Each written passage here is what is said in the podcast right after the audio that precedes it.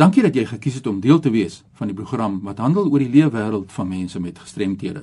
Net hier op RSG 100 tot 104 FM en ook wêreldwyd op rsg.co.za. Baie dankie vir die terugvoer oor verlede week se program. Maar talle luisteraars is soek na kontakbesonderhede van gaste in vorige programme. Onthou, al die inligting oor die onderwerpe sowel as die gaste is beskikbaar op die webtuiste van RSG by rsg.co.za. Iemand is op soek na Karen Smit se telefoonnommer. Haar nommer is 021 940 9019. 021 940 9019. Ons gesprek het gehandel verlede week oor hulpmiddels en die kommunikasiebedryf en hoe die private sektor in die verband kan en moet help. Vandag se program fokus ons op gehoorverlies. Ernelda en Esther Maree is hier om te vertel hoe hulle as gesin daardeur geraak word en wat ons ook vanmiddag daaruit kan leer. Welkom by RSG. Hallo Fanny. Hallo Fanny. Nou ja, kan ons jou jou begin uh Esther? Jy is die moeder, Ernelda is die dogter, sy het gehoorverlies en vertel ons hoe het Ernelda gehoor gestremd geraak? Volgens die dokters en die toetse het hulle uitgevind dat Renella allergies is vir sulfa wat wel voorkom in baie antibiotikas en ander medikasies en daardeur het sy uit is haar gehoorhaartjies beskadig. Renella, die impak soos jy nou beleef het op julle as gesin, hoe het jy gevoel as dogter wat nou gehoorverlies het binne die gesinsverband? Ehm um, ja, dat ek my ouers swaar gekry en my sussie moes soms afgeskeep word omdat my suster by vreemdes gelos is sodat ehm um, ek by Tygerberg kon skool gaan en my ma het saam gegaan by terapie by Karel de Tooi sentrum.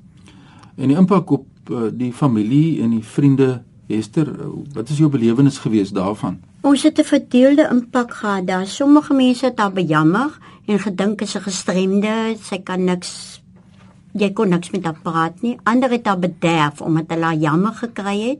Ander het gedink sy's 'n wonderwerk omdat sy kan praat, normaal praat maar sy's doof.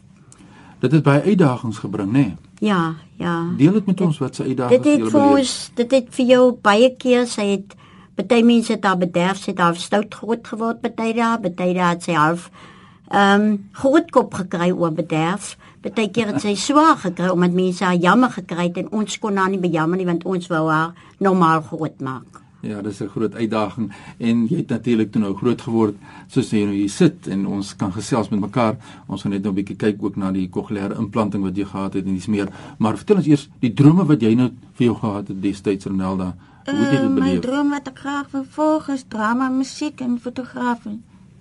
En jy leef nog steeds daardie droom. Ehm um, ja, ek uh, doen nog speel nog musiek by huis en drama het ek nog nooit nie want ek, ons het nie geld om dit te doen nie en ehm um, fotografie doen ek nou het ek 'n geskenk gekry en ek kan dan dit op 'n manier volg. Wonderlik. So daar was ook natuurlik Esther as ouers oorwinnings. Wil jy iets met ons deel daaroor? Ehm um, sy kan vandag normaal praat, sy kan normaal kommunikeer. Uh, sy kan goed gebaretaal praat, sy kan lip lees en uh, sy het silwer gekry by die Estetfit want sy wou musiek doen. En sy het dit sonder enige gehoor het sy klavier gaan speel by die Estetfit silwer gekry sonder dat sy ooit gehoor het wat sy gespeel het. Sy het dit as 'n gedig geleer en daarop gaan speel. Baie baie interessant. Ja, ek het nou net by ons aangesluit het. Ons praat oor gehoorverlies. Ons praat met Renelda en Esther Maree en ons kyk na wat is die uitdagings van gehoorverlies op die gesin en dis meer. Daar is daar hartseer wat jy beleef het in jou lewe tot nou toe. Ja, Renelda? die hartjie is die deure wat toe gaan as jy sê jy kan nie oor 'n telefoon praat nie en mense dink ehm um, dowes is dom en probeer hulle, hulle oral gebruik as goedkoop arbeid. Ja, dit is 'n groot uitdaging en uh, dit bring my by jou skoolopleiding. Daar was ook natuurlik uitdagings, daar was natuurlik frustrasies. So deel bietjie met ons jou skoolloopbaan. Ehm um, was by Delabat het ek matriek geslaag. Ehm um, na dit was ek by Skers vir diensjaar vir Christus alleen tussen so plus minus 30 40 horendes wat my verskriklik versteur het is ehm um, was dat hulle ehm um, nie weet hoe leeg en stil 'n dowe se lewe is nie. Hulle het um, my geïgnoreer asof ek dom is en ook om op te tree en deel te neem aan verskillende goedes het hulle mense heeltemal afgeskeep en Hulle het ook alles wat daar gebeur het, het hulle die dowe skout gegee. Ja, En dit is so. Ja, en dit is uh, baie belangrik dat mense gebalanseerd behandel wil word en op 'n gelyke geleentheid wil gegee word. Maar uh, die impak wat daarna toe nou op jou lewe gebeur het deur 'n kokleaire implanting. Kom ons hoor by jou eers Renelda, wat het wat is jou belewenis na 'n kokleaire implanting? Natuurlik het ek twee kokleaire implantings gekry soos wat jy weet, maar wat is die impak op jou lewe? Vertel ons. Ehm um, dit was 'n groot besluit geweest. Gerade kon my ouers netjie ehm um, ehm um, doen nie, maar hulle het dit uitgegaan en ehm um, baie navorsing gedoen en so net om dat ek kan want ek wil graag hoor.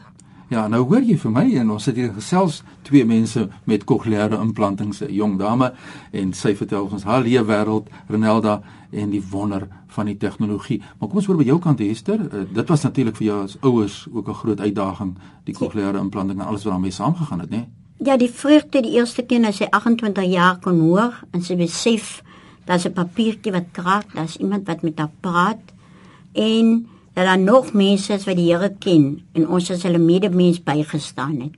Dit het vir ons 'n groot betekenis gehad want daar was baie wat daar gehelp het tot op die stadium nog wat daar altyd help wat ons net voor kan dankie sê. Ja, die ondersteuning is so belangrik, ja. die gemeenskap se ingesteldheid rondom julle proses is so belangrik en daarom is dit 'n voorreg om te kan gesels oor kommunikasie, ons kan gesels oor gehoorverlies en ons kan sien hier die impak wat dit gehad het op Renelda. Sy sit hier vol selfvertroue en gesels met my en dit bring my by die laaste vraag wat ek vir julle het om vandag te antwoord aan my en dit is wat is julle boodskap? Kom ons begin by uh, jou Renelda. Wat is jou boodskap aan die gemeenskap? Ehm um, geslaap een aand in die de mekaar wêreld en inbrake en moord met toe oë en met geen gehoor nou besef jy waar die die, die angs waar die dowes gaan. En mense moenie besef dowes is dom nie. Hulle kan net nie hoor nie. Om met 'n dowe te kommunikeer is net so maklik om 'n stukkie papier te vat en 'n pen. Ja, dit is waar. En uh, jy moedig mense aan om te skryf en nie bang te wees nie. Ja, is nog iets wat jy wil sê daar dink ek? Ehm um, hier uh, by ons is 'n klomp het ek geen vriende nie, maar ehm um, soos hulle is mos nou so, hulle is te bang om met te kom te kommunikeer want is bang ek gaan nie hulle verstaan nie. Maar op die ander kant dan sien hulle maar ek kan praat. Ja. En ehm um, die hoorendes is weer so hulle gesels en dan vergeet hulle maar jy kan nie hoor nie en dan die oomblik wat trek ek weg. Dan vergeet hulle van jou. Jy's Ja. doof. Jy hy kyk vir jou. Ja. En dan die laaste wil ek sê, dankie aan my ouers en vir die Here dankie sê en vir die dokters en mense wat vir hulle um, verstand gegee het om vir die doweskool geleer implanting kan gee om te weet te kan hoor. En dankie ook vir almal wat um, alreeds so ver gehelp het met die ehm um, fondse om my so ver net te, te kan kom al is hy nog nie volledig nie. Maar ehm um, en dan wil ek laaste dankie sê vir Grypkompen ehm um, wat vir my 'n groot geskenk gegee het. Ehm um, wat nou ehm um, wat ek nou my ehm um, een stukkie van my droom kan volg en ehm um, daardie kan ek nou wil ek hulle moet besef dit beteken baie vir my want ehm um, my ehm um, alleenheid deel ek nou ehm um, met die met die skepping van die Here met die kamera en goeders. met die fotografie wat jy nou kan. Dit is die boodskap aan die gemeenskap. Dit is lekker om met julle te kon gesels en julle lewe wêreld te kon beleef. En dit was vir my ook regtig waar insiggewend om mense met gestremthede, mense met gehoorverlies soos Ronelda, die kans te gee op hierdie forum om te kan sê hoe sy regtig voel. Baie baie sterkte. Baie dankie dat julle gekom het en hou ons op hoogte oor al die aktiwiteite waarmee jy betrokke is en moenie ophou droom nie. Dankie van. Baie dankie van. wonderlik om mense met gestremthede die geleentheid te gee om namens hulself te kan praat. Dit was nou 'n lekker gesprek wat ek gehad het met Renelda en haar ma Hester Mare oor gehoorverlies. Ja, gehoorverlies is 'n baie interessante onderwerp. Ek het onlangs 'n werksessie in Woester aangebied oor die impak van gehoorverlies. En belanghebbendes wat daar was, het hul kommer uitgespreek omdat dit die belange van mense wat byvoorbeeld later in hulle lewe gehoorverlies ervaar nie altyd begryp word of verstaan word deur die gemeenskap nie. Onkunde oor die redelike hantering van gehoorgestremdes by die werk is natuurlik ook 'n groot uitdaging en dit ook in die werksessie baie duidelik na vore gekom. Hul behoeftes, hul uitdagings en frustrasies word nie in aanmerking geneem nie. En ons het ook nou gehoor wat Ronaldo sê oor die inskakeling by die gemeenskap ook op sosiale gebied, die uitsluiting, die onsekerheid wat daar bestaan tussen mense wat kan hoor en mense wat nou gehoor gestremd is en hoe ons kan meewerk om daardie brûe te bou tussen die twee groeperinge. Hoorverlies sny die betrokkene weg van mense. Dit is die werklikheid, die realiteit. Die vrees vir misverstande wat daar kan ontstaan, het tot gevolg dat mense met gehoorverlies self stelselmatig van die gemeenskap onttrek. En by hierdie werksessie het dit ook duidelik na vore gekom dat die maatskaplike behoeftes van mense met gehoorverlies is dan nie duidelik uiteengesit in die strategieë by werkplekke en selfs in skole soos Ronaldo ook nou hier gesê het. En die feit dat gehoorverlies moeilik waarneembaar is, maak dit nie makliker nie. Talle kommunikasie struikelblokke het tot gevolg dat betrokkenes op vele vlakke dan nie deel gemaak word van soos Ronaldo ook gesê het sosiale geleenthede nie.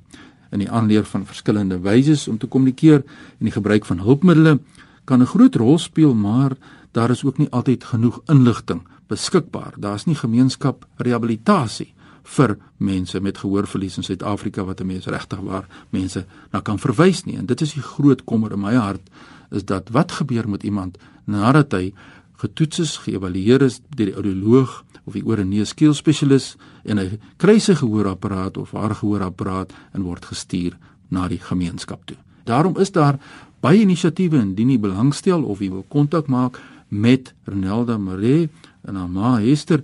Ek sal die inligting aan hulle deurgee, so jy kan 'n e-pos sommer nou stuur aan my by fani.dt by mweb.co.za. Ek sal seker maak dat al die inligting by hulle uitkom. Indien jy enige ander insette wil maak of 'n storie wil vertel, ja, gebruik dieselfde e-posadres of jy kan my volg op Twitter by Fani Dreams. Groetens uit Kaapstad.